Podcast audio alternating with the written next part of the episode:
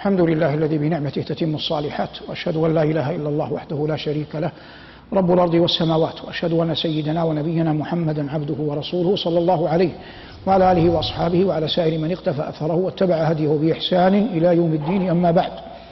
عنوان درس هذا المساء في هذا الجامع المبارك جامع السلمان هو أشهدوا خلقهم وهو جزء من آية كريمة في سورة الزخرف قال جل ذكره وجعلوا الملائكة الذين هم عباد الرحمن إناثا. أشهدوا خلقهم ستكتب شهادتهم ويسألون. وإن شاء الله تعالى سنعرج على ما في هذه الآية الكريمة من معان ومفردات عبر لقاءين متتابعين. نسأل الله لنا ولكم التوفيق. قال أصدق القائلين وجعلوا. جعل هنا بمعنى حكم ووصف. بمعنى حكم ووصف. تقول جعلت زيدا أعلم من غيره. أي حكمت ووصفت زيدا بأنه أعلم من غيره. وجعلوا واو الجماعة يعود على كفار على كفار قريش.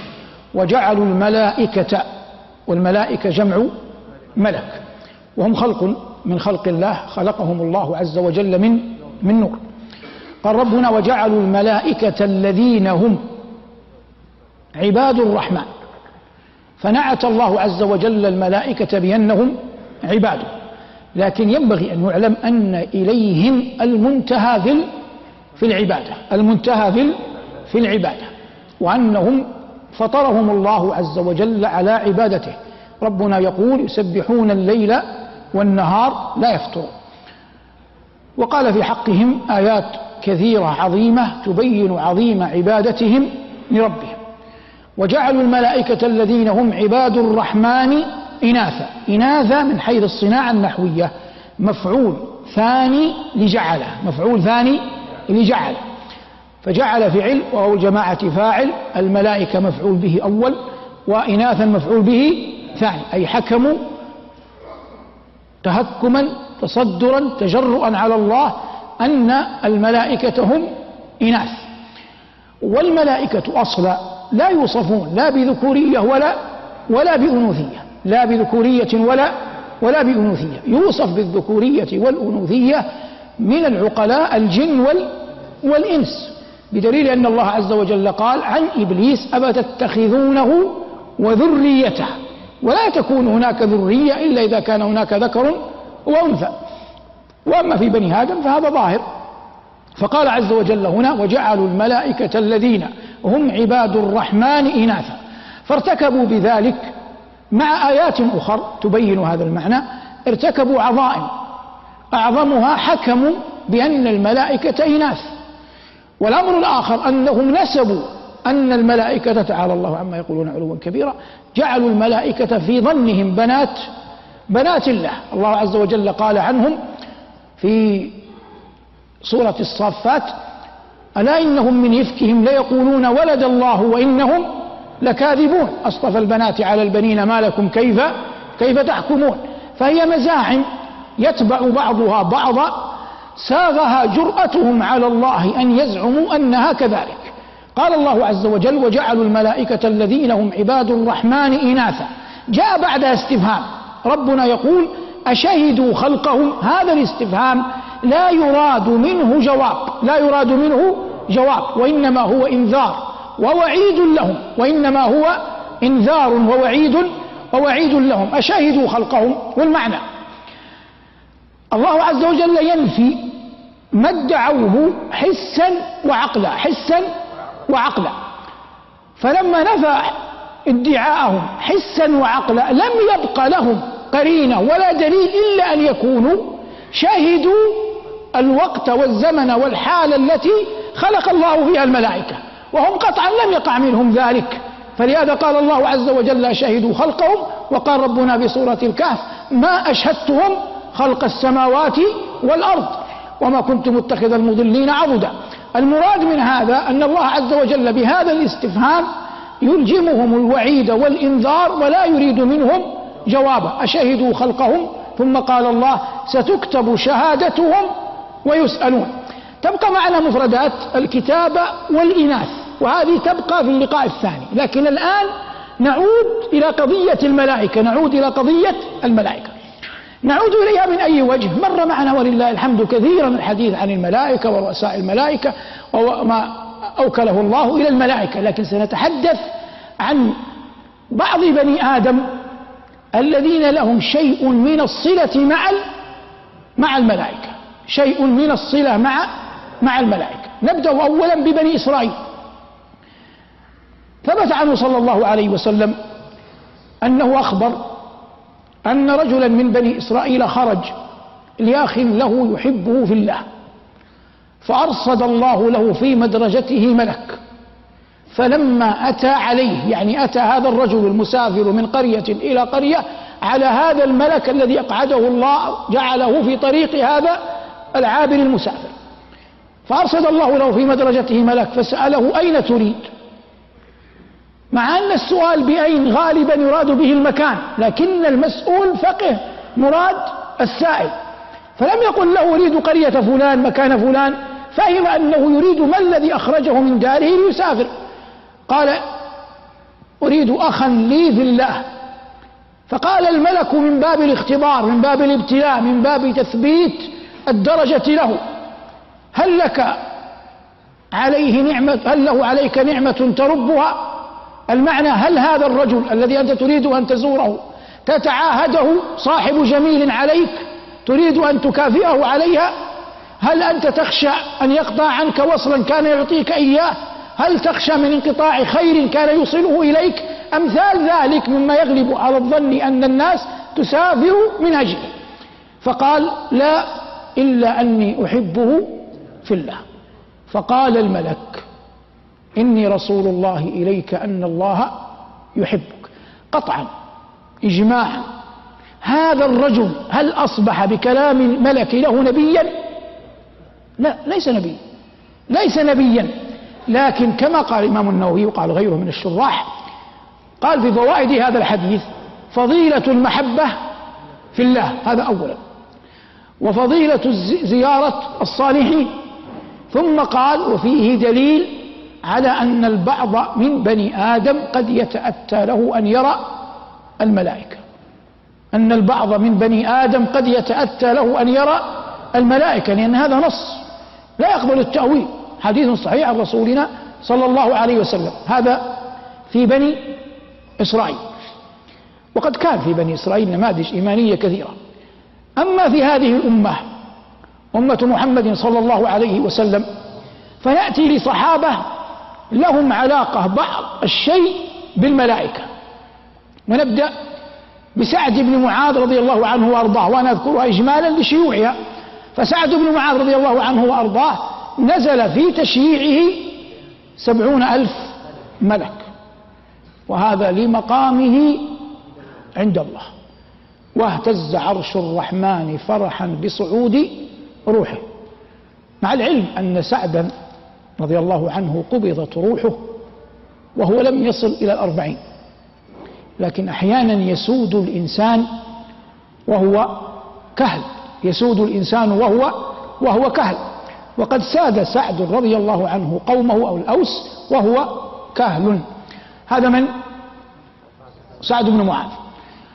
كذلك ممن لهم علاقة بالملائكة في أصحاب رسول الله حنظلة ابن أبي عامر. فأما أبوه أبو عامر فهو فاسق وهو الذي أعد له مسجد الضرار. قال الله والذين اتخذوا مسجدا ضرارا وكفرا وتفريقا بين المؤمنين وإرصادا لمن حارب الله ورسوله فالذي أريد بقول الله حارب الله ورسوله هو من؟ أبو عامر. ابنه اسمه حنظلة. قتل شهيدا يوم أحد. الآن أين الملائكة؟ أنه النبي عليه الصلاة والسلام رآه والملائكة ترفعه تغسله فلما سئلت زوجته قالت إنه كان على جنابة يعني معها. فلما سمع الصيحة الدعوة خرج وهو جنب. فلما استشهد أوكل الله إليه من ملائكة. تغسله لكن أقول الجهاد الشرعي له ضوابطه ولا بد فيه من إذن الإمام فلا يأتين أحد بمثل هذه الأخبار الصحيحة الصريحة الشامخة فيحيد بالناس عن طريق الحق وكم من كلمة حق أريد بها باطل. نسأل الله لنا ولكم الثبات. هذا حنظلة بن أبي عامر رضي الله عنه وما وقع منها. وارتباطه بالملائكة وأن الملائكة غسلته الثالث ممن له ارتباط بالملائكة وهذا من وجه قد يكون أبعد قليلا حسان بن ثابت شاعر رسول الله صلى الله عليه وسلم فإن النبي قال له أهجهم وروح القدس معك وروح القدس من؟ جبريل فهذا نوع من. شيء من الارتباط ما بين هذا الصحابي الجليل شاعر رسول الله صلى الله عليه وسلم وما بين جبريل لكنه لا يصل إلى حد الأول الذي رأى الملائكة أو الذي نزل سبعون ألف ملك لتشييعه أو الذي غسلته الملائكة. هذه منازل كما قال الله ما منا إلا له مقام معلوم. فهذا حسان رضي الله عنه وأرضاه. وحسان الكل يعرف مواقفه ودفاعه عن النبي عليه الصلاة والسلام وكفاه شرفا قوله فإن أبي ووالده وعرضي لعرض محمد منكم وقاع حارثة ابن النعمان. وهذا الحديث يرويه أهل السير. وفيه أنه كان النبي عليه الصلاة والسلام مع جبريل يناجيه يعني يتحدثان. فمر حارثة فلما رأى النبي يناجي جبريل لم يسلم فمضى. فقال صلى الله عليه وسلم قال جبريل للنبي صلى الله عليه وسلم من هذا؟ قال هذا حارثة. فقال جبرائيل أما وإنه لو سلم علي لرددت عليه السلام. فدعا النبي عليه الصلاة والسلام بعد أن ذهب جبريل دعا حارثة. وقال له ما منعك أن تسلم إذ مررت؟ قال يا رسول الله رأيتكما تتناجيان فخشيت أن أقطع حديثكما. قال هذا جبريل. وقد قال لي إنك لو سلمت لرد عليك السلام. إنك لو سلمت لرد عليك السلام. فهذا نوع من شيء من العلاقة ما بين حارثة وما بين جبرائيل عليه السلام. هؤلاء ثلاثة من الصحابة جاء الحديث عنهم ممن لهم علاقة بالملائكة. الصحابة من الأنصار ينقسمون إلى أوس وخزرج. يوجد في دين الله التنافس في الخيرات. فأهل السير يروون والله أعلم بصحة ذلك.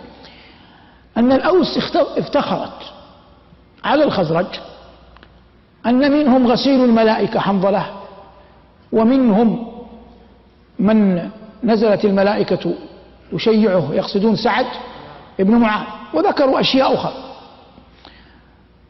فرد عليهم الخزرج الذين ذكرناهم هؤلاء طبعا حسان من الخزرج لكن حسان قلنا إن الوضوح في علاقة الملائكة به ليس مثل الاثنين. فقالت الخزرج ترد على الأوس ومنا أربعة. حفظوا القرآن في عهد النبي صلى الله عليه وسلم وليس في الأوس منهم وليس في الأوس منهم. يعني وسلم قال أبي بن كعب هذا من أين؟ من من الخزرج ومعاذ بن جبل من من الخزرج. بل حفظ من القرآن في الخزرج أكثر منهم في في الأوس. والسيادة والسؤدد مقسوم بين الاثنين. فمن الأنصار فمن الأوس سعد بن معاذ يقابله في الخزرج. سعد بن سعد بن عبادة رضي الله تعالى عنهما جميعا وكلاهما قال الله عنهم السابقون الأولون من المهاجرين والأنصار والذين اتبعوهم بإحسان. بقي الآن علاقتنا نحن بال بالملائكة والحياء منهم نوع من الحياء من من الله.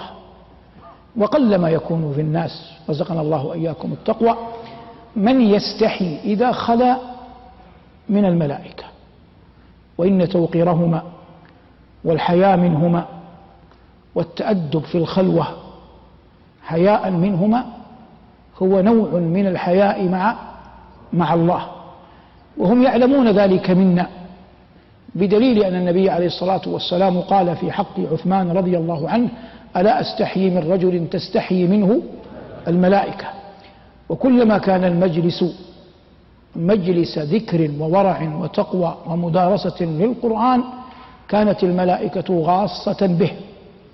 وكلما كانت المجالس وعاذنا الله وإياكم مجالس غناء وفجور وخمر وما أشبه ذلك مما تعمر به بعض الأماكن نسأل الله العافية.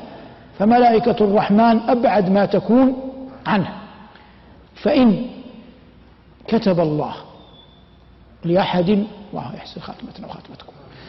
كتب الله لأحد أن يموت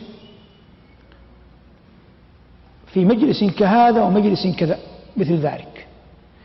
فالمجلس عندما يكون غاصا بالملائكة تقترب من هذا المتوفى. إن الذين قالوا ربنا الله تتنزل عليهم الملائكة ألا تخافوا ولا تحزنوا. ومن يموت في مجلس غاص بالملائكة. ليس كمن يموت في مجلس غاص بمن يعصي الله. الفرق عظيم. نعم لا يدري أحدنا ماذا يختم له ولا يزكي عاقل ولا مؤمن نفسه. الله يقول فلا تزكوا أنفسكم هو أعلم بمن اتقى. لكن في طيات أحوالك في خفايا أيامك في لياليك المظلمة في غربة سفرك ما استطعت ما أمكن أن يكون لك نية صالحة تريد بها ما عند الله. لا تتكل يوما من الدهر على عملك. أيا كان عملك كلما كنت على وجل من الله كان الله ناصرا لك. ربنا يقول فلا يأمن مكر الله إلا القوم الخاسرون. مهما بلغت منزلة العبد تقواه ورعه صيامه قراءته للقرآن حسن ظن الناس به ثناؤهم عليه ما يراه من نفسه من غدو للصلوات ما يراه من نفسه من إلقاء دروس من إلقاء محاضرات ما يراه من نفسه إن كان صاحب مال من إنفاق مال ما يراه من نفسه إن كان له أبوين من برهما. أيا كان حالك. لا تأمن مكر الله لكن كن على وجل خائف تحسن الظن بالله فلا ساعة. هي فيصل ما بين سعادة وشقاء أعظم من سعادة أعظم من ساعة عندما تخرج الروح من الجسد. خروج الروح من الجسد فيصل لما بعده من أحوال بيان لما بعده مما يقبل عليك من نعيم أو أو عذاب. لكن كما قلت إذا طوي القلب على سريرة أول السريرة عدم تزكية النفس. أول السريرة عدم تزكية النفس. لا ينبغي لمن يعرف الله حقا أن يزكي نفسه. الله إن رحمنا فبفضله وإن عذبنا فبعدله. فالخلق كلهم يتقلبون في مشيئته ما بين فضله وعدله. لكن لا أدري ما أنصح نفسي وبكم به لكن استودع الله ركعات تتلو فيها القرآن ويعظم فيها ثناؤك على ربك في السجود فتجعل من قراءتك للقرآن وأنت قائم كسرا لقلبك حتى ترزق التوفيق وأنت تسجد لله عز وجل في أن يفتح الله عليك بدعاء فرب كلمة دعا بها عبد وهو ساجد رفعت إلى السماء كتب الله لقائلها, لقائلها ولمن دعا بها السعادة والرضوان في الدنيا والآخرة. اللهم إنا نعوذ بك أن نرجو غيرك. اللهم إنا نعوذ بك أن نرجو غيرك أو أن نتكل على أعمالنا. نسألك اللهم عفوك وعافيتك وخاتمة حسنة من لدنك وصلى الله على محمد وآله. والحمد لله رب العالمين. الحمد لله على فضله والصلاة والسلام على خير خلقه وأشرف رسله وبعد. لقاء اليوم تبع لما سبق. وقد حررنا أن اللقاء عنوانه أشهدوا خلقه. وقلنا إن هذا جزء من آية كريمة في سورة الزخرف. قال الله عز وجل وجعلوا الملائكة الذين هم عباد الرحمن إناثا. أشهدوا خلقهم ستكتب شهادتهم ويسألون. وسؤال العبد عما اقترفت يداه في الدنيا ثابت لا محالة. قال الله فلنسألن الذين أرسل إليهم ولنسألن المرسلين. وإن قال الله عز وجل في سورة أخرى فيومئذ لا يسأل عن ذنبه إنس ولا جان والمقصود أنهم لا يسألون سؤال استعلام. وبعض العلماء يقول إن القيامة مواطن والعلم عند الله في أي الرأيين صواب لكنني أرجح الأول. قلنا ووعدنا أننا سنتحدث عن مفردة إناث ومفردة الكتابة. فأما مفردة إناث فنستدعي أشياء تاريخية وأدبية وأما الكتابة فنفيء فيها إلى القرآن. فأما إناث فقد قال كعب بن زهير وهو صحابي جليل تأخر إسلامه وأبوه زهير بن أبي سلمى الشاعر الجاهلي المعروف الذي عرف وغلب على شعره الحكم. قال كعب في لاميته قال كل ابن أنثى وإن طالت سلامته يوما على آلة حدباء محمول. فهذا وردت فيه ذكر كلمة أنثى. في جوهرة التوحيد وهي منظومة معروفة علمية يقول صاحبها وما كانت نبيا قط أنثى وما كانت نبيا قط أنثى وأصل البيت وما كانت أنثى قط نبيا. لكن الضرورة الشعرية جعلته يقدم ويؤخر. والمقصود أنه استقر استقر قول أهل العلم في غالبهم اللهم كان لابن حزم رأي لا أذكره الآن لكن جماهير أهل العلم من السلف والخلف على أن النبوة لا تكون في أنثى. وقال المتنبي في بيت شعر له مشهور ولو كل النساء كمن فقدنا لفضلت الرجال لفضلت النساء على الرجال فما التأنيث لاسم الشمس عيب ولا التذكير فخر للهلال. وقول هذا فيه من المجاملة لصاحب الأمر آنذاك ما فيه يعني ظاهر. هذا ما يستدعى من حيث القصائد الشعرية. من حيث التاريخ في الأنثى يستحضر الإنسان أن سيف الله خالد بن الوليد رضي الله عنه أرضاه المعروف عنه تاريخيا أنه كان لا يقاتل إلا على فرس يعني على أنثى لا يحارب على خيل لا لا يحارب على حصان خيل تطلق على الأنثى والذكر لا يحارب على حصان وإنما إذا قاتل وهو من فرسان العرب المعروفين يقاتل على على أنثى ولو في ذلك حكمة لكن يصعب شرحها. هذا ما يتعلق بال بالأنثى لفظ الإناث. وقد أفردنا في درس سابق في هذه اللقاءات المباركة نحن الآن في العام السابع درسا كاملا عن الذكر والأنثى فلا حاجة للإعادة. نأتي الآن للفظ ستكتب شهادتهم. ستكتب شهادتهم هنا بمعنى ستنسخ. بمعنى أن الملك سيكتب هذا القول الذي قالوه ويسألون عنه. هذا المراد بقول الله هنا ستكتب شهادتهم. لكن لفظ كتب في القرآن ورد على معان عدة ورد على معان عدة. نأخذ بعضها. يرد أحيانا بمعنى الفرض. بمعنى ماذا؟ الفرض. يقول ربنا يا أيها الذين آمنوا كتب عليكم الصيام. معنى كتب هنا فرض. معنى كتب فرض. وقال جل وعلا في صورة أخرى كتب الله لأغلبن أنا ورسلي. هنا لا يقال فرض يقال قدر. قدر وقضى. أن الغلبة له ولي ولرسله. كتب الله لأغلبن أنا ورسلي. ونظيرها في القرآن قول الله عز وجل عن صالح المؤمنين محمد بن عبد الله عليه السلام ومن معه قل لن يصيبنا إلا ما كتب الله لنا. لا يقول أحد إن معناها إلا ما فرض الله لنا. لكن إلا ما قدر الله لنا وقضى. وتأتي بمعنى اجعل. تأتي كتب بمعنى اجعل. قال الله عز وجل فاكتبنا مع الشاهدين. معنى ذلك اجعلنا مع مع الشاهدين.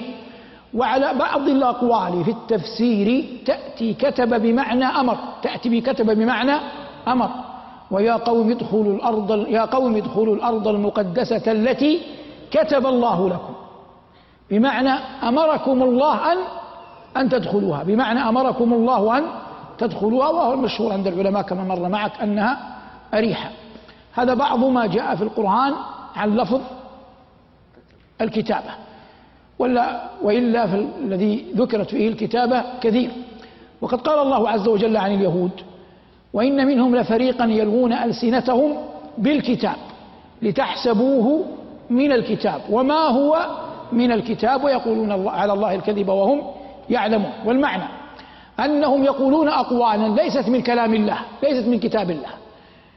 لتحسبوه أنتم أن هذا من من كتاب الله الذي هو كتابهم ماذا؟ التوراة. والله ينفي أن يكون هذا القول الذي زعموه والادعاء الذي ادعوه أن يكون من من كلامه. تأتي أحيانا لفظ الكتاب في القرآن لكن أحيانا المصطلح القول يعرف بقرينته يعرف بقرينته. قال عليه الصلاة والسلام لا صلاة لمن لم يقرأ بأم الكتاب. ما أم الكتاب؟ الفاتحة. لكن ربنا عز وجل يقول يمحو الله ما يشاء ويثبت وعنده أم الكتاب. ما أم الكتاب؟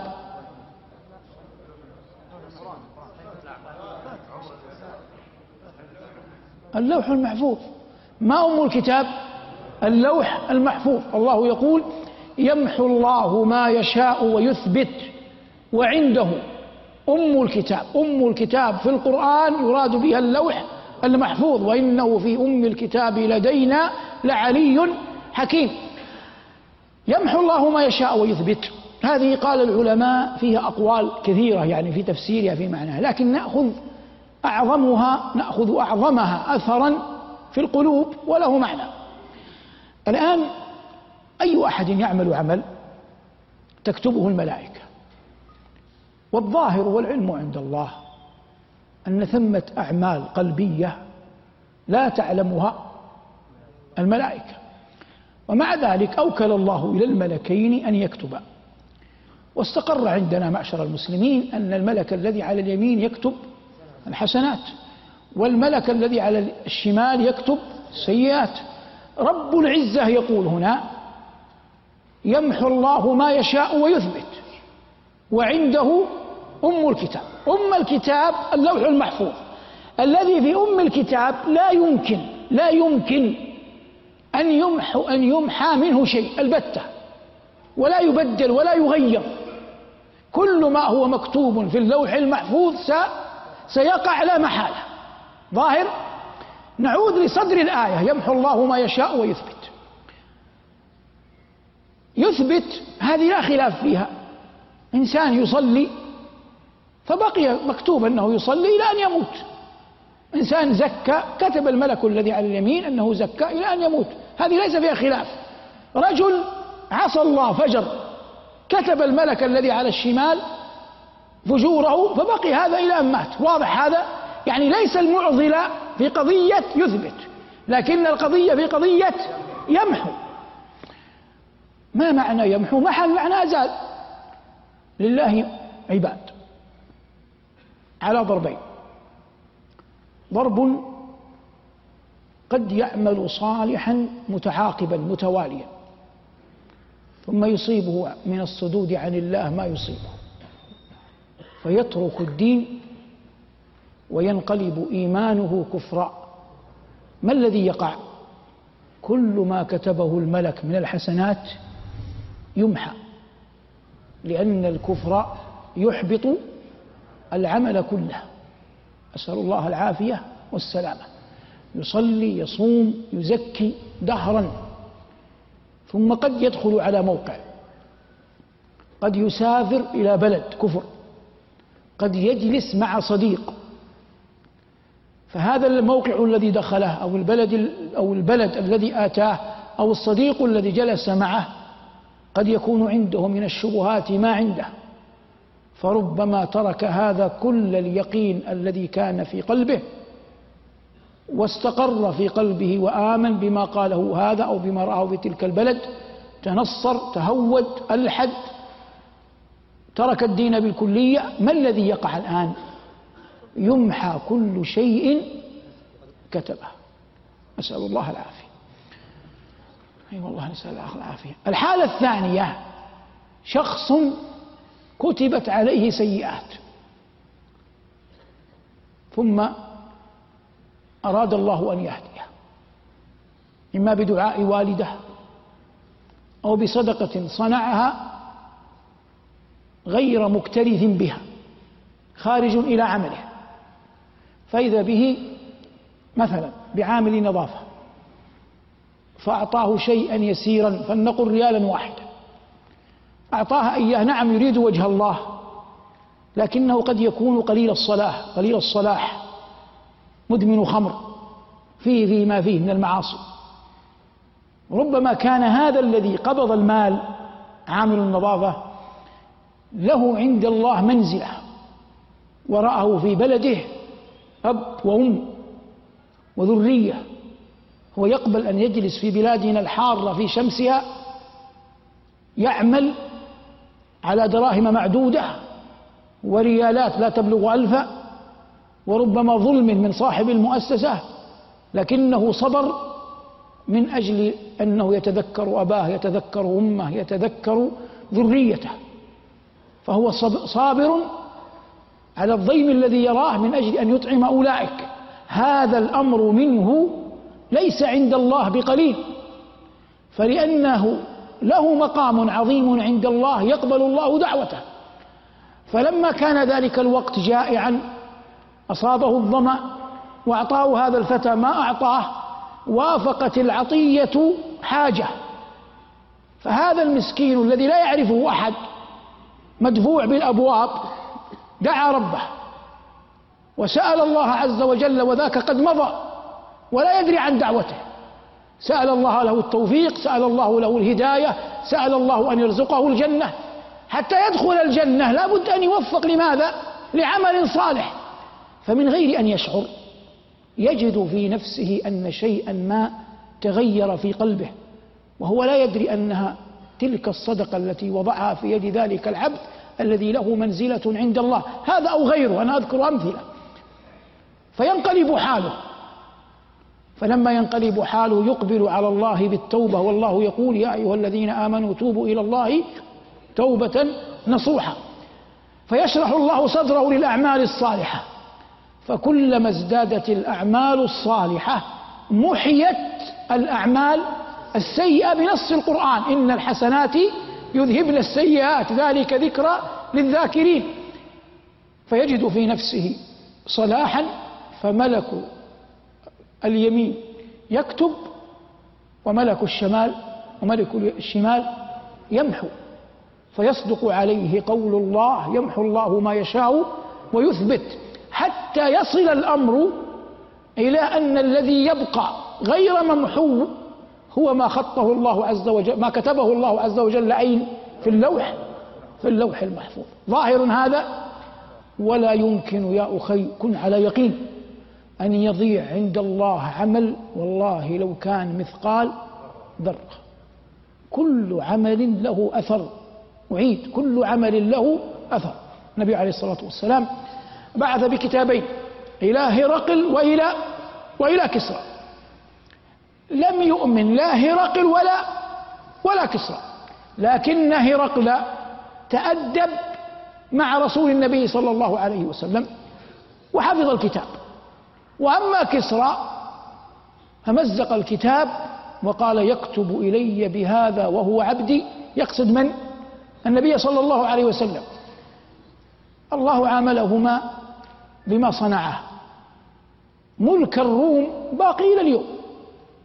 ملك الروم باقي إلى إلى اليوم. والكسروية المعروفة انتهت في عهد عمر. فمزق الله ملك كسرى ولم يمزق الله ملك ملك قيصر وسيبقى. حتى يتصالح المسلمون معهم ثم تكون الملحمة الكبرى ولعل الله يكتب لي وقت أشرح لكم الملحمة الكبرى. لكن المقصود من هنا أن هذا التل... كل كلاهما كفر. لكن هذا لما مزق مزق الله ملكه. ومر معك وقلنا هذا كثيرا أن السحرة من قوم فرعون. لما تأدبوا مع موسى مثقال ذرة قالوا يا موسى إما أن تلقي وإما أن نكون أول من ألقى. تأدبوا مع موسى أورثهم ذلك إيمانا. فكل عمل صالح تصنعه توفق إليه. اعلم أنه سيكون له أثر عليك. وكما أن للحسنات أثرا فإن للسيئات أثرا ويأبى الله إلا أن يذل من من عصاه. لكن يتدارك العاقل يتدارك المؤمن يتدارك من وفق للصلاح نفسه بأنه يكثر من الاستغفار يكثر من التوبة يكثر من اللجوء إلى الله عز الله عز وجل أن يقبل منه ويتقبل منه توبته. هذا ما يتعلق بالكتابة في قول الله عز وجل يمحو الله ما يشاء ويثبت وعنده أم الكتاب.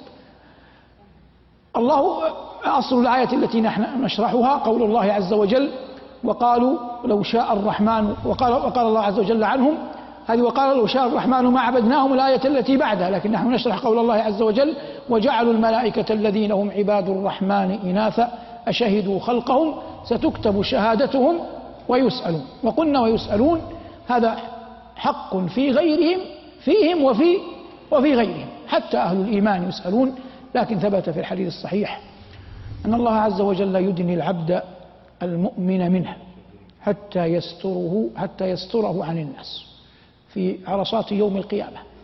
ثم يقرره على ذنوبه أتذكر ذنب كذا أتذكر ذنب كذا حتى يقرره جميعا. ثم يقول وارحم الراحمين لعبده. أما وإني قد سترتها عليك في الدنيا فأنا اليوم أغفرها لك.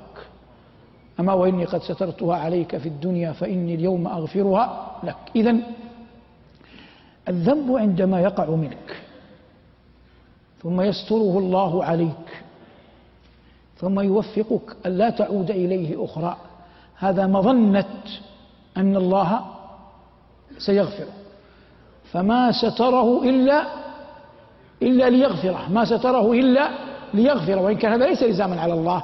لكن هذا من البشائر لك أن يقع منك الذنب. ثم يستره الله عليك. وما زلت أوصي نفسي ومن أحب. نحن لسنا معصومين. كلنا ذو خطأ. لكن يا أخي مهما بلغت صلتك بأحد قرابة أو صداقة أو غيرهما لا تخبر أحدا كائنا من كان بذنبك ولا من باب الاستشارة. لا تخبر أحدا كائنا من كان بذنبك ولا من باب ولا من باب الاستشارة. وإنما اكتمها واستغفر الله وأت من الحسنات. ما يغلب على ظنك أن الله عز وجل به يغفر ما قد ما قد كان. قال ربنا إن الحسنات يذهبن السيئات ذلك ذكرى للذاكرين. واعلم أن من حولك مهما بلغت عظمتهم في عينيك هم مثلك. لهم ذنوب لهم خطايا لهم معاصي. يرجو ما ترجوه يخافون ما تخافه. يخشون ما تخشاه. فأنت وهم في هذا الأمر سواء. فالجأ إلى رب الأرض والسماء وتب إليه واسترشد منه الخير. وأكثر من التوبة والاستغفار والعمل الصالح وسقي الماء على وجه الخصوص.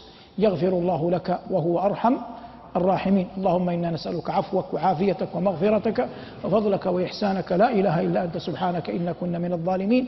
هذا ما تيسر إرادة وتهيأ إعداده. وعان الله على قوله وصلى الله على محمد وآله والحمد لله رب العالمين.